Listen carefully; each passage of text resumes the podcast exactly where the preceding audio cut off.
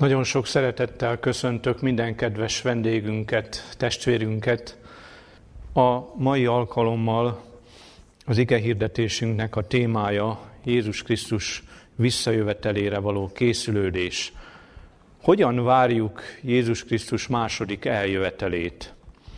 A Bibliában nagyon sok kijelentést találunk erről, hogy milyen idők lesznek Jézus Krisztus eljövetele előtt, második dicsőséges eljövetele előtt. Péter apostol második leveléből olvasom az alapigénket, a harmadik fejezetből, a kilencediktől a tizenötödik versig. Tehát így hangzik az ige, Péter második levele, harmadik fejezet, kilenctől a tizenötödik verséig. Nem késik el az ígérettel az Úr, mint némelyek késedelemnek tartják, hanem hosszan tűr érettünk, nem akarván, hogy némelyek elvesztenek, hanem hogy mindenki megtérésre jusson. Az Úr napja pedig úgy jő el, mint éjjeli tolvaj, mikor az egek ropogva elmúlnak, az elemek pedig megégve felbomlanak, és a föld és a rajta lévő dolgok is megégnek mivel hogy azért mindezek felbomlanak, milyeneknek kell lennetek néktek szent életben és kegyességben, akik várjátok és sóvárogjátok az Isten napjának eljövetelét, amelyért az egek tűzbe borulva felbomlanak, és az elemek égve megolvadnak. De új eget és új földet várunk az ő ígérete szerint, amelyben igazság lakozik. Annak okáért, szeretteim, ezeket várván, Igyekezzetek, hogy szeplő nélkül és hiba nélkül valóknak találjon titeket békességben. És ami Urunknak hosszú tűrését üdvösségnek tartsátok, amiképpen a mi szeretett atyánk fia, Pál is írt néktek a néki adott bölcsesség szerint. Péter apostol a levelében a felolvasott ige szakaszt megelőzően is szól arról, hogy milyen események lesznek, egyáltalán milyen lesz a világ, mielőtt Jézus Krisztus hatalommal és dicsőséggel eljönne. Nem olvastuk fel az igéből a fejezet elejét, ahol beszél az apostol arról, hogy csúfolódók támadnak, akik azt mondják, hol van az ő eljövetelének az ígérete, hiszen semmi nem változott a világban, minden úgy maradt kezdettől fogva. Aztán mások ugyanúgy csúfolódnak, gunyolódnak a teremtés tényéről. Ezek mind-mind jellemzőek, mondhatjuk a mai világban, még a mai keresztény világban is, hogy sem az egyikről, Jézus eljöveteléről nem akarnak hallani és tudni, sem pedig a teremtés tényével is nagyon sok kétségük van, ahogy elterjedt a 19. századtól az evolúció elmélete, ezért nagyon sok keresztény is inkább ezt vallja, mint amit a Biblia a teremtésről szól. Ahogy felolvastam az igét, Péter apostol arról ír, hogy Jézus Krisztus eljövetelének Miért is van ez a látszólagos késedelme? Ugye máshol is olvassuk a Bibliában, hogy Jézus Krisztus, amikor jön, úgy tűnik, mint a késne. Mondja az ige, hogy késvén a vőlegény, elszúnyadtak a szűzek. Vagy olvasunk arról, hogy, hogy Jézus Krisztus eljövetelének sem a napját, sem az óráját nem tudjuk mi, de még az Isten angyalai sem, sőt maga Jézus Krisztus sem. Miért van az, hogy nincs egy megszabott pontos ideje Jézus visszajövetelének? Ugye ez is egy, egy ilyen vita kérdés a kereszténység körében is, hogy van ennek egy biztos pontja, ha egyáltalán eljön Jézus Krisztus, és noha mi nem tudhatjuk, de, de ez egy, egy biztos pont, és ez, ez nem, nem változhat. A felolvasott ige szakaszban volt egy olyan rész, ahol pontosítanunk kell a fordítást, amikor azt olvastam az alapigében, hogy akik várjátok és sóvárogjátok, itt pontosan úgy van, hogy siettetitek az Isten napjának eljövetelét. Ez a gondolat is megerősíti azt, hogy valami oka van annak, hogy nincs egy fix időpontja Jézus visszajövetelének, sőt, ilyet mond ki a Biblia, hogy, hogy siettethetjük az ő eljövetelének az idejét, vagy ugye ennek az ellenkezője is történhet, hogy késleltetjük az ő visszajövetelét. Majd erről még részletesebben szeretnék szólni a továbbiakban. Hogyan várjuk Jézus visszajövetelét ebben az időben? Olyan világban élünk, ahol a kegyességnek a látszata az, ami jellemzi az embereket.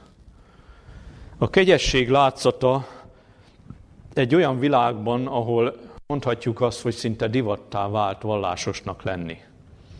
Néhány évtizeddel ezelőtt még nagyon sok ateista ember volt, és nem jelentett, illetve problémát jelentett a vallásról beszélni, vagy egyáltalán a valláshoz igazodni, vagy elismerni, hogy valaki vallásos. Ma már az ellenkezőjével találkozunk, hogy az emberek szívesen és bátran és, és büszkén vallják magukat vallásosnak, hogy ilyen vagy olyan felekezethez tartoznak. De a Biblia nem véletlenül ö, szól így erről, hogy a kegyességnek csak a látszata jellemzi az emberiség nagyobb részét, a kereszténység nagy részét is. A külső formaságokat megtartják, de valójában belül az emberek nem változtak meg, nem változott meg az életük, a jellemük. Szinte ugyanolyanok maradtak, mint korábban, akkor, amikor esetleg ateisták voltak. A kegyesség látszata ö, nagy kísértés a keresztény emberek számára is. De most itt egy szeretném egy kicsit közelebb hozni, hiszen Péter apostol elsősorban az őszinte keresztényeknek írja a levelének ezt a szakaszát. Tehát mondhatjuk azt, hogy nekünk szólnak ezek a felszólítások, nekünk szólnak ezek az üzenetek, amit itt elolvastam az igében. Az a kérdés, hogy mi hirdetjük-e Jézus közeli visszajövetelét, illetve nem csak hirdetjük, hanem az életünkkel is megéljük-e azt. Az emberek látják-e rajtunk azt, hogy mi, mi nem csak mást hirdetünk, nem csak azt erősítjük meg, hogy közel van Jézus második eljövetele, hanem az életünk is ezt tükrözi. Nagyon nagy kárt tud okozni az a keresztény, aki hangos szóval hirdeti Jézus eljövetelét, és közben pedig az életével az ellenkezőjéről tesz bizonyságot. Úgy él itt a világban, mint hogyha ebben a bűnös földi életben akarna örök életet élni, és nem pedig az Isten országába, ahol nem lesz bűn, és ahol teljesen más élet lesz. Nagyon nagy kísértés nekünk hívő embereknek az, amiről az egyik evangéliumban olvasunk, Lukács evangéliumába, amikor azt írja az ige, Lukács evangéliuma ö, 21. fejezetében, hogy Vigyázzatok, hogy az életnek gondjai meg, miatt meg ne nehezedjék a ti szívetek, és váratlanul ne érjen az a nap benneteket. Nagyon fontos tehát, hogy mi úgy gondolkozzunk, hogy mi nagyon közel vagyunk már az Úr eljöveteléhez, és kevés az idő arra, hogy felkészüljünk. De itt egy kérdést szeretnék föltenni. Tényleg nagyon várjuk az Úr eljövetelét? Szeretnénk, ha minél előbb megjelenne? az emberi életben is, akit nagyon szeretünk, és elmegy esetleg hosszabb időre, egy hozzátartozónk, akkor alig várjuk, hogy hazajöjjön. Akkor nem úgy gondolkodunk, hogy bárcsak még maradna egy-két napot, és később jönne haza, hanem alig várjuk, hogy eljöjjön az az idő, amikor, amikor megjön, és ismét találkozhatunk. Ha mi Jézus Krisztus nagyon szeretjük, akkor mi nem így gondolkozunk, hogy bárcsak még ne jönne el. Mert ugye hozzá szoktuk tenni, hát nem vagyok készen még, és ha most eljönne, akkor, akkor a legnagyobb vesztesség érne, mert kimaradnék az Isten országából. Ha igazán szeretjük őt, akkor úgy készülünk, hogy azt mondjuk, hogy Uram, bár csak minél hamarabb eljönnél, hogy találkozhatnánk, mert annyira vár, várjuk a te eljöveteledet, és olyan öröm lesz számunkra veled találkozni. Kedves gyülekezet, szeretném megkérdezni tőletek, hogy amit felolvastam az alapigében, annak a kilencedik versében ír arról a Biblia, hogy mi ennek a látszólagos késedelemnek az oka. Miért eh, késik a vőlegény? Miért eh, van ez a látszólagos késedelem? De ugye azt mondja az ige, hogy nem késik az Úr az ígérettel. Nem késik az ő eljövetelével, hanem hosszan tűr érettünk.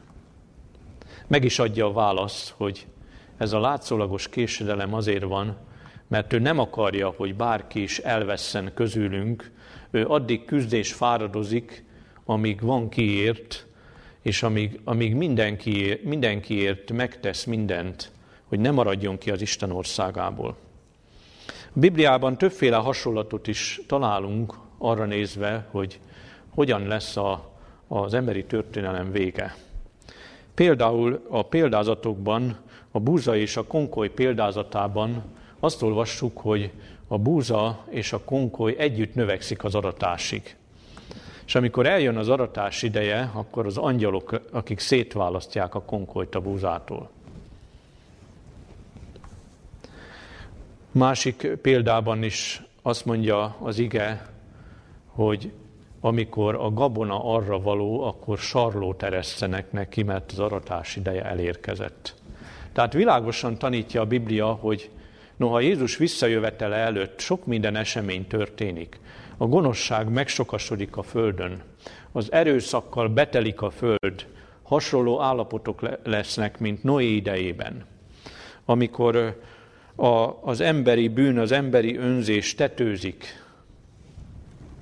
De mégis azt kell mondanunk, hogy Jézus visszajövetelét nem ezek az események határozzák meg. Mert az aratás sem az határozza meg az aratás idejét, hogy a konkoly elég érette már vagy, a, vagy beértek-e a gyomnövények, hanem a búza beérése. Tehát a jó magnak, az Isten népének a fölkészülése az, ami, ami, ami meghatározza azt, hogy, hogy mikor fog Jézus eljönni. Természetesen párhuzamosan vele együtt a gonoszság is sokasodik. Rengeteg dolgot látunk körülöttünk a világban Jézus eljövetele előtt. Látjuk, hogy a természet rendje megbomlik, Ilyen dolgokat nem láttunk.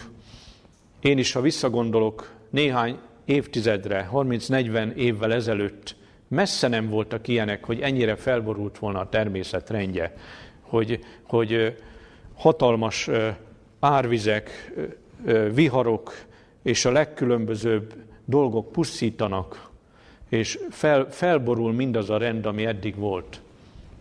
Aztán látjuk azt, hogy az emberi társadalom is milyen mértékben romlott meg, hogy milyen erkölcstelenné váltak az emberek. Aztán látjuk mindazokat, például most, amiben vagyunk, ugye a, a járványoknak a terjedése. Ugye ilyennel még nem találkoztunk, ilyen világjárványjal, ami, am, amiben most vagyunk. Ezek mind-mind megvoltak jövendőlve, mint jelek Jézus eljövetele előtt. De az a kérdés, amit itt az alapigében olvashatunk, ami a legfontosabb kérdés, hogy ezek között a körülmények között ki állhat meg, hogyan állhatunk meg.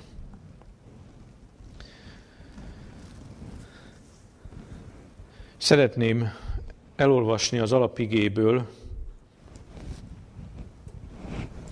a második feléből, hogy mit, mit mond itt, hogy milyen természeti jelek kísérik, illetve előzik meg az Úr eljövetelét. Azt olvastuk itt Péter levelében, a harmadik fejezetben, hogy az úrnapja úgy jön el, mint éjjeli tolvaj, mikor az egek ropogva elmúlnak, az elemek pedig megégve felbomlanak, és a föld és a rajta lévő dolgok is megégnek. Mivel, hogy azért mindezek felbomlanak, milyeneknek kell lennetek néktek szent életben és kegyességben, akik várjátok és sóvárogjátok az Isten napjának eljövetelét, amelyért az egek tűzbe borulva felbomlanak, és az elemek égve megolvadnak. Tehát hatalmas pusztulásról beszél itt az ige, az elemek felbomlásáról, a, a, a különböző dolgoknak a, a, az elégéséről, a megsemmisüléséről.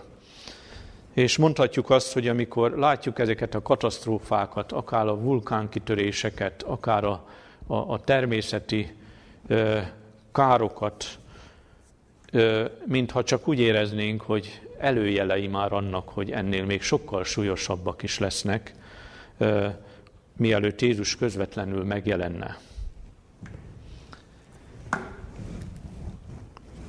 Azt olvastam itt az igében, hogy váratlanul éri az embereket. Így olvastam itt, hogy az úrnapja úgy jön el, mint éjjeli tolvaj. Hogy vannak az emberek a tolvajjal? Ha, ha én tudom, hogy éjszaka betörnek hozzám, akkor, és mondjuk éjjel kettőkor fognak jönni, akkor én arra készülök, arra számítok, arra megteszek mindent, hogy a, hogy a tolvaj ne tudja elvégezni a dolgát. De ha én nem tudom, hogy mikor jön, meg egyáltalán, hogy jön a tolvaj, akkor váratlanul ér engem, és nem tudok rá készülni. A Biblia nem véletlenül használja ezt a hasonlatot, hogy annyira kiveszett az, ember, az emberek tudatából az, hogy Jézus Krisztus eljövetele zárja le a földi történelmet, hogy tényleg, amikor ezek az események bekövetkeznek, akkor olyan váratlanul éri őket, mint az a tolvaj, amire nem számítottak az emberek. Egy másik igében, a tesszalonikai első levél 5. fejezet 4. versében Pálapostól is ezt mondja, tehát a tesszalonikai első levél 5. fejezet 4. versében, de ti atyám fiai nem vagytok sötétségben, hogy az a nap tolvajmódra lephetne meg titeket. Tehát mit mond Pál apostol? Azt mondja, igen, váratlanul éri az emberiséget az a nap tolvajmódra, de mit mond? De ti nem vagytok sötétségben, hogy az a nap titeket váratlanul érjen, tolvajmódra érjen. Ti világosság fiai vagytok, és ti tudjátok, és titeket nem érhet váratlanul. Megkérdezem tőletek, kedves testvérek, tényleg így vagyunk ezzel, hogy nem fog váratlanul érni bennünket? Mi úgy készülünk, hogy bármikor, ha az Úr eljön, akkor, akkor nem ér meglepetés bennünket? A Biblia ugye azt mondja, hogy a napját, a napot és az órát, a pontos idejét nem tudhatjuk. De tegyük fel, ha holnap jönne Jézus, nem érne váratlanul bennünket? Én úgy gondolom, hogy nagyon sokunkat váratlanul érne, mert még nem készültünk rá a vele való találkozásra. Ezek az igék megerősítenek bennünket, hogy milyen nagy szükségünk van arra, hogy sokkal komolyabban vegyük az előkészületet, hogy amikor Jézus eljön, akkor ne váratlanul érjen bennünket. Azt a kérdést tette föl Péter apostol itt az alapigében, ami mondhatjuk, hogy a leglényegesebb kérdés Jézus várása közben, hogy milyeneknek kell lennetek néktek szent életben és kegyességben, akik várjátok mindezeket, akik átélitek majd ezeket a súlyos eseményeket. Milyeneknek kell lennünk? Mi is tegyük fel a kérdést. Milyenek, milyenekké kell válnunk ahhoz, hogy, hogy, hogy biztosan ö, tudjuk várni, és ne váratlanul érjen bennünket. Milyenné kell az életünknek, a jellemünknek válni ahhoz, hogy megállhassunk az Úr előtt? Ja, Péter apostol megadja a választ is a kérdésre egy következő versben.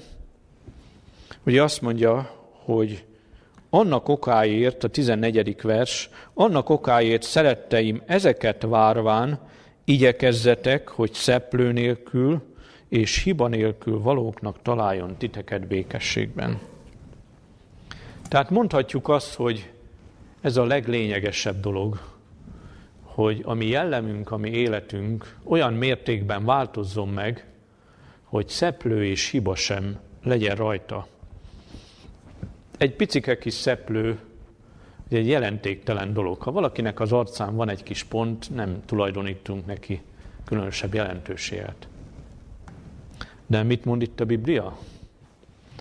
Hogy amikor készülünk az Úrral való találkozásra, amikor készülünk az ő bűntelen országába, akkor a mi jellemünkön még egy ilyen picike kis pontoska se maradhat. Mi történne akkor, hogyha az Isten országába mi a legkisebb bűnt vagy, vagy jellemfogyatékosságot, hibát bevinnénk? Annak a kockázata lenne, hogy egy újabb lázadás indulna az Isten országába, miután a bűntörténelme lezárult. Isten országába nem mehet be senki, aki nem szabadult meg a bűneitől ebben az életben. Nagyon fontos tehát, hogy ez legyen a mi szemünk előtt, hogy vizsgáljuk meg, hogy milyen a mi életünk, hogy készen legyünk, amikor Jézus Krisztus eljön. Azt olvassuk itt az igében, az előző versben, hogy új eget és új földet várunk az ő ígérete szerint, amelyben igazság lakozik.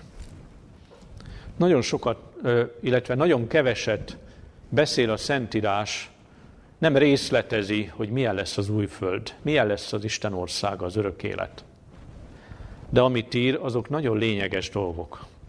És itt mit, írt, mit ír az új földről? Az egy olyan föld lesz, amikor ezt a földet Krisztus újjá teremti, amelyben igazság fog lakozni, amelyben a bűnnek semmilyen nyoma nem marad. Megkérdezem tőletek, vágyakozunk-e egy ilyen országba élni? Amikor végig gondoljuk, hogy ebben a földi életben milyen sok szenvedésen kell átmenni az embernek. Legyen az betegségek, legyen az gyász, legyen az ö, ö, különböző megpróbáltatások, nyomorúságok. Te megkérdezünk egy világi embert, aki nagyon sok betegségen és szenvedésen ment át az életébe, hogy szeretne örök életet élni. Vannak, akik ezt mondják, hogy köszönöm szépen, nem kérek belőle. Ebből elég volt 70-80 év is. Szenvedtem én eleget, de hogy akarok én örökké élni. Csak hogy az az ember, aki így gondolkozik, ugye az nem ismeri és nem tudja, hogy az örök élet az egy teljesen más élet lesz, mint itt. Egy olyan világ lesz, ahol, ahol a bűnnek nem lesz semmi nyoma, ahol nem kell betegnek lennünk, ahol, ahol nem kell gyászolnunk szeretteinket, ahol nem kell szenvednünk, nem lesz önzés, ahol a szeretetben élhetünk önzetlenül egymás között, ahol együtt lehetünk, ami szeretet megváltónkkal, az atyával, a Szentlélekkel, a megváltottakkal, el se tudjuk képzelni, mert nem, nem tudjuk összehasonlítani. Mi csak ebbe a földi életbe tudunk gondolkodni, hogy itt a bűn világában milyen a mi életünk. És, az em- és, és a legtöbb ember elmondhatja, hogy bizony nagyon sok szenvedésen megy át. Persze nem egyformán, de, de senkinek nem olyan az élete, hogy, hogy, hogy egy győzelmes élet, és hát, hogy minden, mindenben boldog, és elkerülik a nehézségek, a szenvedések. Az Isten azt mondja, hogy új eget és új földet várunk, az ő ígérete szerint, amelyben igazság lakozik. Pál úgy fogalmazta meg, hogy amit szem nem látott, fül nem hallott, ember szíve meg se gondolt, olyat készített Isten az őt szeretőknek. És mi ide készülünk. És kedves testvérek, szeretnék rátérni tehát a leglényegesebb kérdésre, hogy hogyan válhatunk ilyenné, hogy az életünk szeplő és hiba nélküli legyen. Nem túl magas ez a mérce? Hogyha megnézzük az életünket, hogy mennyi hibával, bűnnel, jellemfogyatékossággal rendelkezünk, nem túl magasra tette a, a lécet Isten számunkra, amit képtelenek vagyunk átugrani? Nem kellett volna lejjebb tenni, hogy hogy biztosan át tudjuk lépni azt a lécet?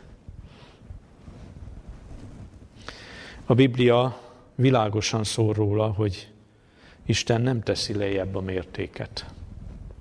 Ugyanakkor nem olyan magas a mérce, a mérték, amit ne, ne lehetne ne lehetne átjutni rajta. Csak egy valamit meg kell jegyeznünk, hogy ezt a mértéket mi emberi erővel soha az életben nem tudjuk meglépni. Soha az életben nem tudunk e fölött átmenni. De Jézus mondta a tanítványoknak, amikor elment tőle a gazdag ifjú, és megkérdezték, hogy kicsoda üdvözülhet. Hát ugye elmondta, hogy mi mindent megtartott a parancsolatok közül, és csak egy volt, amiben fogyat, fogyatkozása volt. És akkor Jézus azt mondta, hogy embereknél ez lehetetlen de az Istennél, vagy az Istennel együtt viszont minden lehetséges.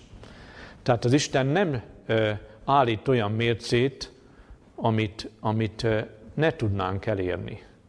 Mert ő megadja hozzá a segítséget. Ő nem azt mondja, hogy ember, itt a mérce, és a saját erőddel ugord át ezt. Hanem az Isten azt ígéri, hogy ő segítséget ad a mi számunkra, és vele együtt igenis lehetséges elérni ezt a mértéket. Hogyan is tud segíteni Isten nekünk? Szeretnék itt Péter második leveléből megint egy igét olvasni, de most nem a harmadik fejezetből, hanem az elsőből.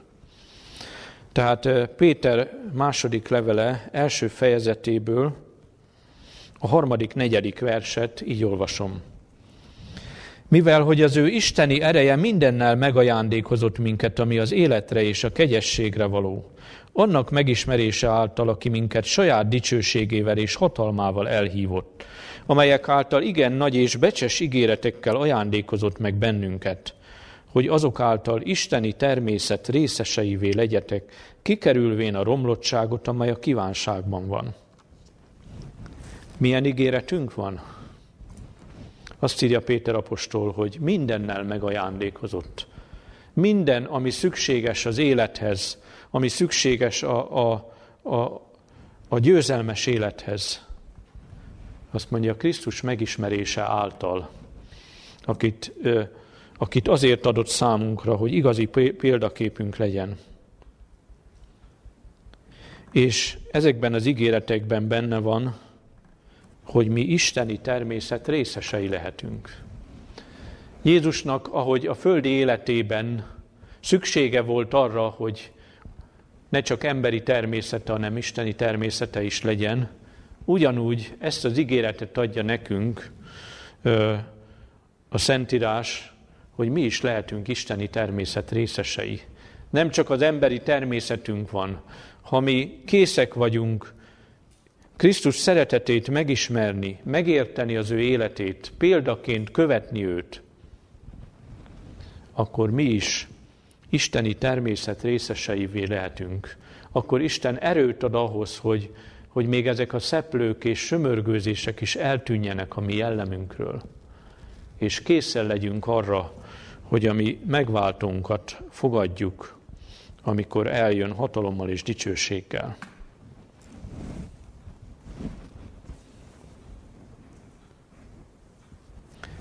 Pálapostól példáját szeretném felhozni a Filippi levél alapján, hogy ő hogyan is készült az Isten országára. Neki mit jelentett az, hogy, hogy törekedjen, hogy, hogy elérje a tökéletességet? A Filippi levél harmadik fejezetében a 12-től a 14. versig tartó szakaszt olvasom.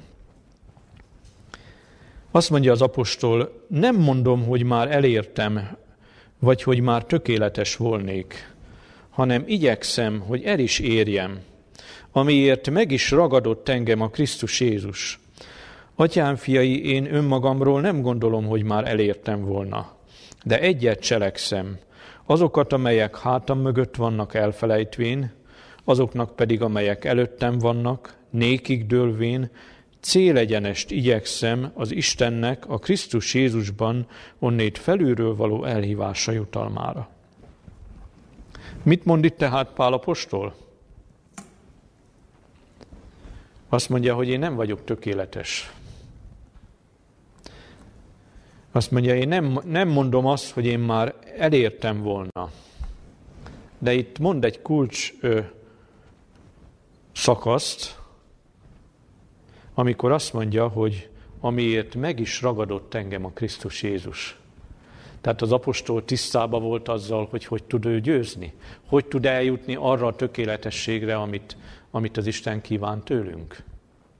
Akkor, hogyha a Krisztus Jézus megragadja őt, akkor, ha, ha szoros szövetségbe lesz a megváltóval, vagy ahogy a későbbiekben mondja, hogy, hogy Krisztussal együtt megfeszítettem, és a Krisztus él bennem, és, és ő az, aki irányítja az én életemet, akkor tudom ezt a célt elérni. És az apostol ezt tapasztalatból ismerte. És azért, mert ő olyan buzgó volt a munkájában, ugye kimondta azt is, hogy többet munkálkodtam, mint az összes többi apostol. Tehát ő nagyon is tisztába volt vele, hogy mennyi munkát végzett. Csak itt nem hagyta abba mert ez túl nagy büszkeség lett volna, hogyha úgy gondolta volna, hogy, hogy ő többet végzett, ő, ő milyen erős és milyen ügyes. Hanem hozzátette, de nem én, hanem az Isten velem lévő kegyelme. Tehát ő nagyon jól tudta, hogy az Istennel való szoros közösség nélkül ő nem tudta volna ezt a teljesítményt nyújtani. Ő nem tudta volna így az evangéliumot hirdetni, hogyha ha nincs állandó, szoros közösségben Krisztussal. És kedves gyülekezet, nekünk is ezt kell megtanulnunk, hogy mi is legyünk ilyen közösségben, ami megváltónkkal.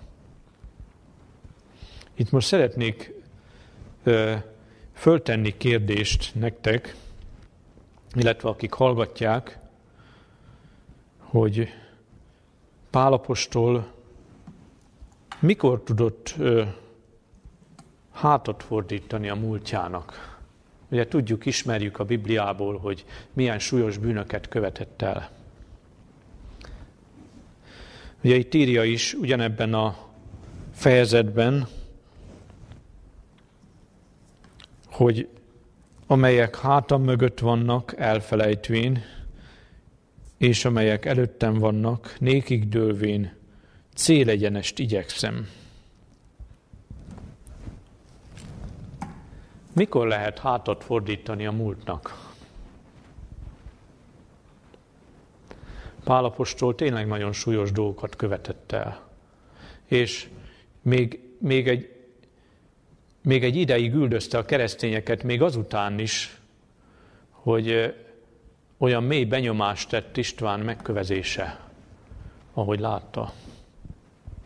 De ahogy, ahogy Jézus is mondta neki, amikor találkozott vele a Damaszkuszi úton, hogy te rugódozol az ösztök ellen, amivel én késztetlek a jóra. Nehéz néked az ösztök ellen rugódoznod, ugye azt mondta neki. De az apostol, amikor elveszítette a szemevilágát, három napig nem evett, nem ivott, és nem látott, volt ideje átgondolni az életét. Volt ideje imádkozni, és volt ideje arra, hogy számot vessen az életével, a múltjával. És amikor eltelt az, ez az idő, akkor utána valóban egy egészen más pálapos, egy egészen más pál, vagy Saulus lett. Vagyis Saulusból Paulus lett. Egy olyan ember, aki a legnagyobb munkát végezte az apostolok közül. Mikor tudott szembefordulni a múltjával, hogyha elrendezte a múltját? Kedves testvérek, ha én ugyanúgy neki akarok célegyenes dőlni az előttem lévő dolgoknak, mire van szükségem, hogy a múltat elrendezzem. Ha én nekem vannak rendezetlen bűneim, akár az Istennel nem rendeztem, akár, akár fele barátaimmal, akkor nem tudok neki dőlni célegyenest a jövőnek. Hatalmas ígéretek vannak a Bibliában. Ugye itt van ez az ige János első levelében, az első fejezet 9. versében azt mondja, ha megvalljuk bűneinket, hű és igaz, hogy megbocsássa, és megtisztítson minden hamisságtól. Ha én szeretném elrendezni a, a múltbeli dolgaimat az Istennel, akkor ő kész megbocsátani, de hozzáteszi az ige, hogy nem csak megbocsátani, hanem meg is tisztítani. Nem csak jogilag rendezi el, hogy nekem nem kell a bűnöm miatt elveszni a kárhozatba, hanem ő azt is megteszi, hogy megtisztít minden hamisságtól. De ugyanezt meg kell tennem az én fele barátaimmal is. Ha én nekem bárkivel problémám van, ha valakire neheztelek, ha valakire megsértődtem, vagy, vagy megbántott, és ezért kerülöm a társaságát, a jelenlétét, el kell rendeznem. Meg kell bocsátanom, még akkor is, hogyha az illető nem jött hozzám. Sokan ezzel mentik fel magukat, hogy hát ő bántott meg engemet. Jöjjön hozzám bocsánatot kérni, akkor én megbocsátok neki. De vajon fordítva nem szükséges? Az Isten attól tette függővé a megbocsátást, hogy eljönnek-e hozzám bocsánatot kérni? Vagy pedig akkor is meg kell bocsátanom, hogyha nem jön hozzám. Mert pont azzal, azzal tudok segíteni, hogy fölébresszem a lelkiismeretét, hogy én megyek elé, noha neki kellene hozzám jönni.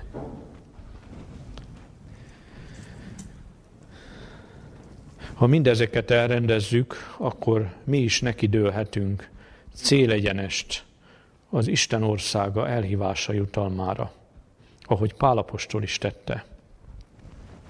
Milyen nagy szükség van arra, hogy az Isten sokkal buzgóbban keressük. Megkérdezem, hogy ha megvizsgáljuk az életünket, akkor mi mit adunk az Istennek? Itt most nem, nem az anyagi dolgokra gondolok. Itt nem a tizedre gondolok, hanem mit adok az életemből az Istennek?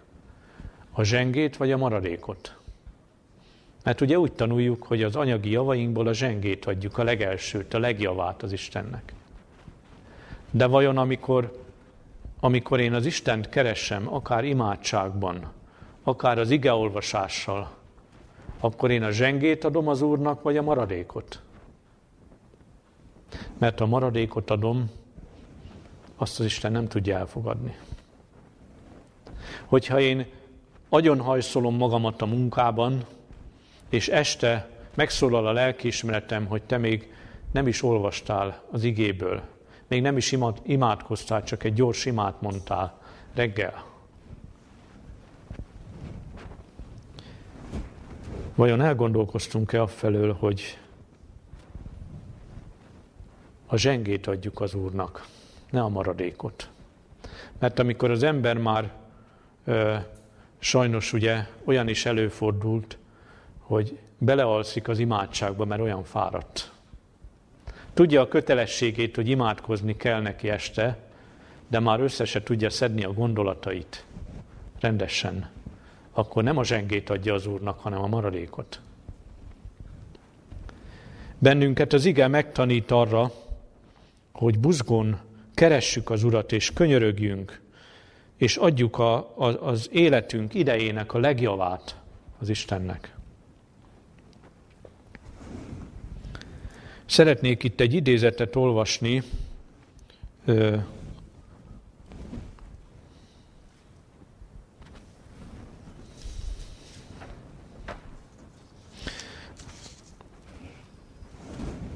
a nagy küzdelem vagy a korszakok nyomában nyomorúság ideje című fejezetből. Jákob ima küzdelméről ezt írja. Jákob azért, azért győzött, mert álhatatos és céltudatos volt. Győzelme a kitartó ima hatalmát bizonyítja. Akik megragadják Isten ígéreteit, mint Jákob, akik olyan buzgók és álhatatosak, mint amilyen ő volt – azok hozzá hasonlóan győzni fognak. De akik nem hajlandók önmagukat megtagadni és Istennel küzdeni, akik nem imádkoznak áldásáért buzgó kitartással, azok nem fognak áldást kapni. Küzdeni Istennel mi kevesen tudják mi az. Mi kevesen tárták fel egyszer is lelküket hővágyjal Isten előtt annyira, hogy minden idegszáluk megfeszült. Mi volt Jákob győzelmének a titka? Hogy ő álhatatos és céltudatos volt. Ő kitartó volt az imádságban. Ő tudta jól, hogy emberileg mindent megtett, de mégse tudja elhárítani a veszedelmet, amikor Ézsau jött vele szembe, hogy bosszút álljon, húsz év után is. Akkor Jákob a legnagyobb buzgósággal imába kezdett, és az Istent, Istenhez könyörgött, az Istennel küzdött, és ennek az imádságnak meglett a gyümölcse. Azon a bizonyos éjszakán, amikor először úgy gondolta, hogy egy idegen harcossal küzd, de aztán nagyon gyorsan felismerte, hogy ő nem emberrel harcol, hanem a menny követével. Hát elég volt, hogy csak megérintse őt, és harcképtelenné vált de akkor is ö, buzgón ragaszkodott hozzá. Mit mondott? Hogy nem bocsátlak el téged, amikor feljött a hajnal. Nem bocsátlak el, amíg meg nem áldasz engem. Annyira vágyakozott az Isten áldására, hogy nem engedte el Jézus Krisztus, nem engedte el a, a mennynek a követét, amíg az áldását el nem nyerte. És akkor Jézus mondhatta neki, hogy Ezután nem Jákob a neved, nem ügyeskedő, csaló, hanem Izrael lesz a neved, mert küzdöttél Istennel és emberekkel és győztél. Kedves gyülekezet, ez a példa is itt van előttünk, ami megtanulunk buzgón könyörögni, ahogy Jákob.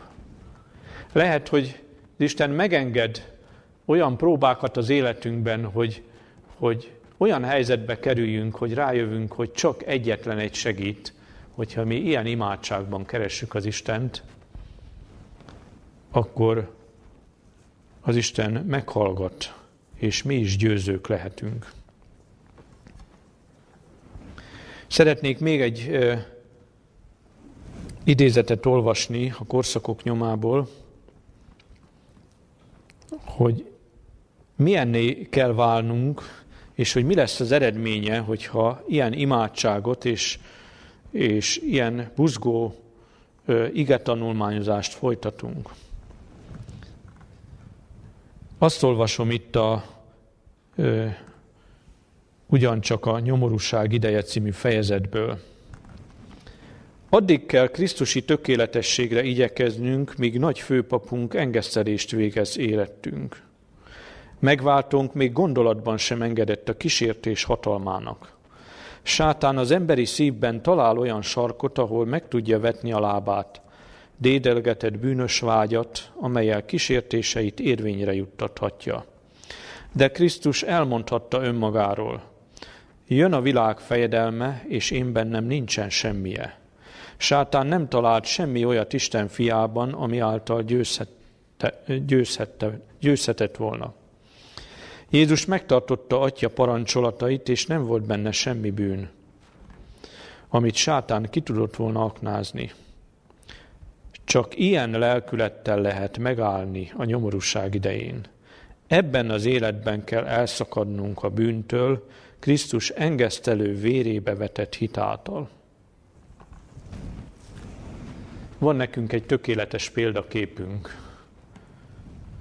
az Úr Jézus Krisztus, ami megváltunk. Ugye azt mondja az ige Jézus Krisztusról, hogy mi nézzünk fel a hit fejedelmére és bevégzőjére, aki az előtte lévő öröm helyett megvetve a gyalázatot keresztet szenvedett. Jézus Krisztus, ami hitünk fejedelme, ami hitünk kezdője és bevégzője, ugye írja a zsidókhoz írt levél 12. fejezete. Nekünk őt kell követnünk. És mit olvastunk itt róla? Hogy ő még gondolatban sem engedett a kísértés hatalmának. Nagy dolog az, ha valaki még a gondolatban is ellen tud állni a kísértésnek. Az is nagy dolog, hogyha egy külső cselekedetben ellenállunk a kísértőnek. De hogy gondolatban, amit az emberek nem látnak, hogy ott is megállt parancsolunk. Ahogy mondja az ige, hogy fogjulejtjük, fogjulejtünk minden gondolatot, hogy engedelmeskedjék a Krisztusnak. Akkor tudunk igazi győzelmet aratni, és az Isten ebben akar segíteni nekünk. Erősítenünk kell egymást, és bátorítanunk. Ézsaiás könyve 35. fejezet 3. és 4. versében ezt az igét olvasom. Erősítsétek a lankat kezeket, és szilárdítsátok a tántorgó térdeket. Mondjátok a remegő szívűeknek, legyetek erősek, ne féljetek. Kedves testvérek, nekünk nagyon nagy felelősségünk van egymás iránt is. Mert amikor gyengé, valamelyikünk gyenge, vagy erőtelen, vagy éppen a hitélete meggyengült, megfáradt, nekünk felelősségünk van, hogy felemeljük-e őt. Imádkozunk-e érte, imádkozunk-e együtt vele, hogy az Úr erősítse meg az ő hitét. Azt mondja itt az ige, hogy erősítsük a lankat kezeket, a leeresztett lankat kezeket, szilárdítsuk a tántorgó térdeket, mert ez a küzdelem egyre nagyobb lesz. Sátán úgy küzd, mint aki tudja, hogy kevés ideje van. Nagy segítséget jelent, amikor hittestvér a másiknak segít, amikor gyenge és erőtelen, amikor elcsüggett. Nekünk nagyon nagy, ö, nagyon nagy ö, felelősségünk van ebben, és segítenünk kell, hogy megerősödjünk mert akkor remélhetjük, hogy bennünket is segíteni fognak testvéreink, amikor én gyenge vagyok, amikor én nekem ellankadt a kezem, amikor remeg a térdem, átvitt értelemben, ugye, amikor gyenge a hitem egy nehéz próbába, és ott van mellettem valaki, aki imádkozik értem, vagy aki imádkozik együtt velem, nagyon nagy segítséget jelent a mi számunkra.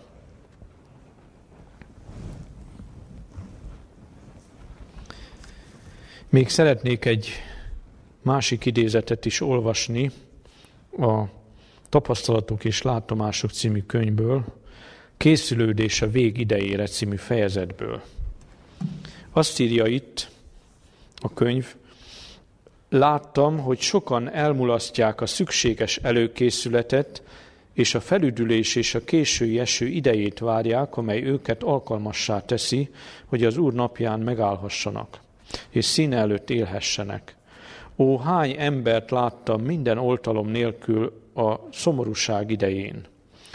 Elhanyagolták a szükséges előkészületet, ezért nem nyerhették el a felüdülést sem, ami pedig feltétele annak, hogy megállhassanak a szentséges Isten színe előtt. Láttam, hogy nem lehet a felüdülés részese, aki nem győzött minden bűn, büszkeség, önzés, a világ szeretete, hazug szó vagy cselekedet felett. Nagyon fontos különösen ez az utolsó mondat. Azt mondja, mi ne attól várjuk a megváltozásunkat, hogy majd jön a késői eső, és a Szentlélek megváltoztat minket. Ne felejtsük el, hogy nekünk a kegyelmédőnk már korábban lejár, már a késői eső küszöbére, mert aki nem készült fel, az nem részesül a, a Szentlélek áldásában a késői esőben. És azt mondja, hogy mindazok nem részesülhetnek az Isten áldásában, nem lehetnek a felüdülés részesei, akik nem győztek minden bűn, büszkeség, önzés, a világ szeretete, hazug szó vagy cselekedet felett. Isten ebben akar nekünk segíteni, hogy ezek fölött győzzünk. Ahogy olvastuk az alapigében, hogy szeplő és sömörgőzés nélkülévé váljon az életünk. És ezt csak az Isten tudja olyanná tenni, ha hagyjuk, ha engedjük, hogy a Szentlélek bennünk lakozzon és munkálkodjon és megtisztítsa a mi életünket, hogy megszabaduljunk a mi jellemhibáinktól, megszabaduljunk a mi fogyatékosságainktól, hogy aztán megtisztulhasson a mi jellemünk. Az a csodálatos ígéretünk van, hogy akik Jézus eljövetelét élve érik meg, és hűségesek lesznek, azoknak az élete szeplő és hiba nélkülévé válik. És azok a halál megizlelése nélkül átváltozással ö, mennek el Krisztussal, hogy részt vegyenek az ítéletben, hogy mennek el a mennybe, és majd lehetnek részesei az örök életnek. Hatalmas kiváltság ez, és ami erre komolyan készülünk, akkor az Isten részesíteni fog ebben bennünket. Ha viszont elnézzük a bűneinket, ha megtűrjük a szeplőt és a sömörgőzést a jellemünkön, akkor kimaradunk az Isten országából. A legnagyobb veszteség. Én úgy gondolom, a legnagyobb veszteség, amikor valaki leél egy, egy életet, több évtizedes hívő életet, és a végén elveszíti az örök élet lehetőségét, mert nem győzött le minden jellemfogyatékosságot, nem győzött le minden szeplőt és sömörgőzést, pedig az Isten erőt adott volna és segítséget adott volna hozzá. Segítsen a jó Isten bennünket abban, hogy mi ne ilyenek legyünk, hanem győzni tudjunk Krisztus által, hogy megragadjuk azokat az ígéreteket, amelyet adott a mi számunkra, és hogy készen várjuk az ő visszajövetelét, és majd ott lehessünk az ő országába. Segítsen ehhez bennünket az ő kegyelméből. Amen. Imádkozzunk. Szerető édesatyánk, ami drága megváltunk, szent nevében, ismét megállunk előtted, Hálásan köszönjük, hogy ezt az örömet adtad számunkra, hogy a te eljöveteled nagyon közel van, amikor látjuk a világ pusztulását, látjuk a, a sok-sok szenvedés, nyomorúságot, amit a bűn okoz itt a világban. Mi reménységgel tekinthetünk a te közeli eljöveteledre. Urunk, bocsáss meg nékünk, hogy még nem készültünk fel, Bocsáss meg, hogy még megtűrtünk az életünkben jellemfogyatékosságokat, hibákat. Segíts meg, hogy tudjunk erőt, segítséget kérni Te tőled. Tudjunk őszinte szívvel megtérni Te hozzád, és tudjunk befogadni Téged, hogy a Te szent lelked megtisztíthasson bennünket ezektől. Köszönjük, hogy Péter apostol levelében feltártad azt, hogy milyen buzgón fáradozol mindenkiért, mert te nem akarod, hogy egy is elvesszen a tiéd közül. Segítsél, Urunk, hogy mi ne késleltetjük, hanem siettessük az, a Te eljöveteledet azáltal, hogy elkészülünk a veled való találkozásra. Segíts meg bennünket, hogy, hogy napról napra tudjuk megharcolni a hitnek szép harcát. Segíts, hogy amikor keresünk téged, akkor ne a maradékot adjuk az életünkből, hanem a zsengét, a, ami időnknek, ami erőnknek a legjavát, hogy Te át tudj formálni bennünket a Te képmásodra. Köszönjük Jézusunk, hogy Te igazi példát adtál számunkra, és Téged követhetünk, és Te megígérted, hogy a mi jellemünket is átformálod. Segíts meg, hogy így általad győzni tudjunk, és eljuthassunk a Te országodba. Kérünk Téged, hallgassál meg. Köszönjük a legnagyobb áldozatot, amit hoztál értünk, hiszen ennélkül nem juthatnánk el a Te országodba. Segíts, hogy ez a kimondhatatlan áldozat valóban a Te szeretetedről olyan tanúságot tegyen, amely arra késztessen bennünket, hogy mi teljes mértékben odaszánjuk a mi életünket neked. Köszönjük, hogy meghallgatod imádságunkat, és reménységünk lehet benned. Legyen áldott szent neved érte. Amen. Ujjj, ujjj,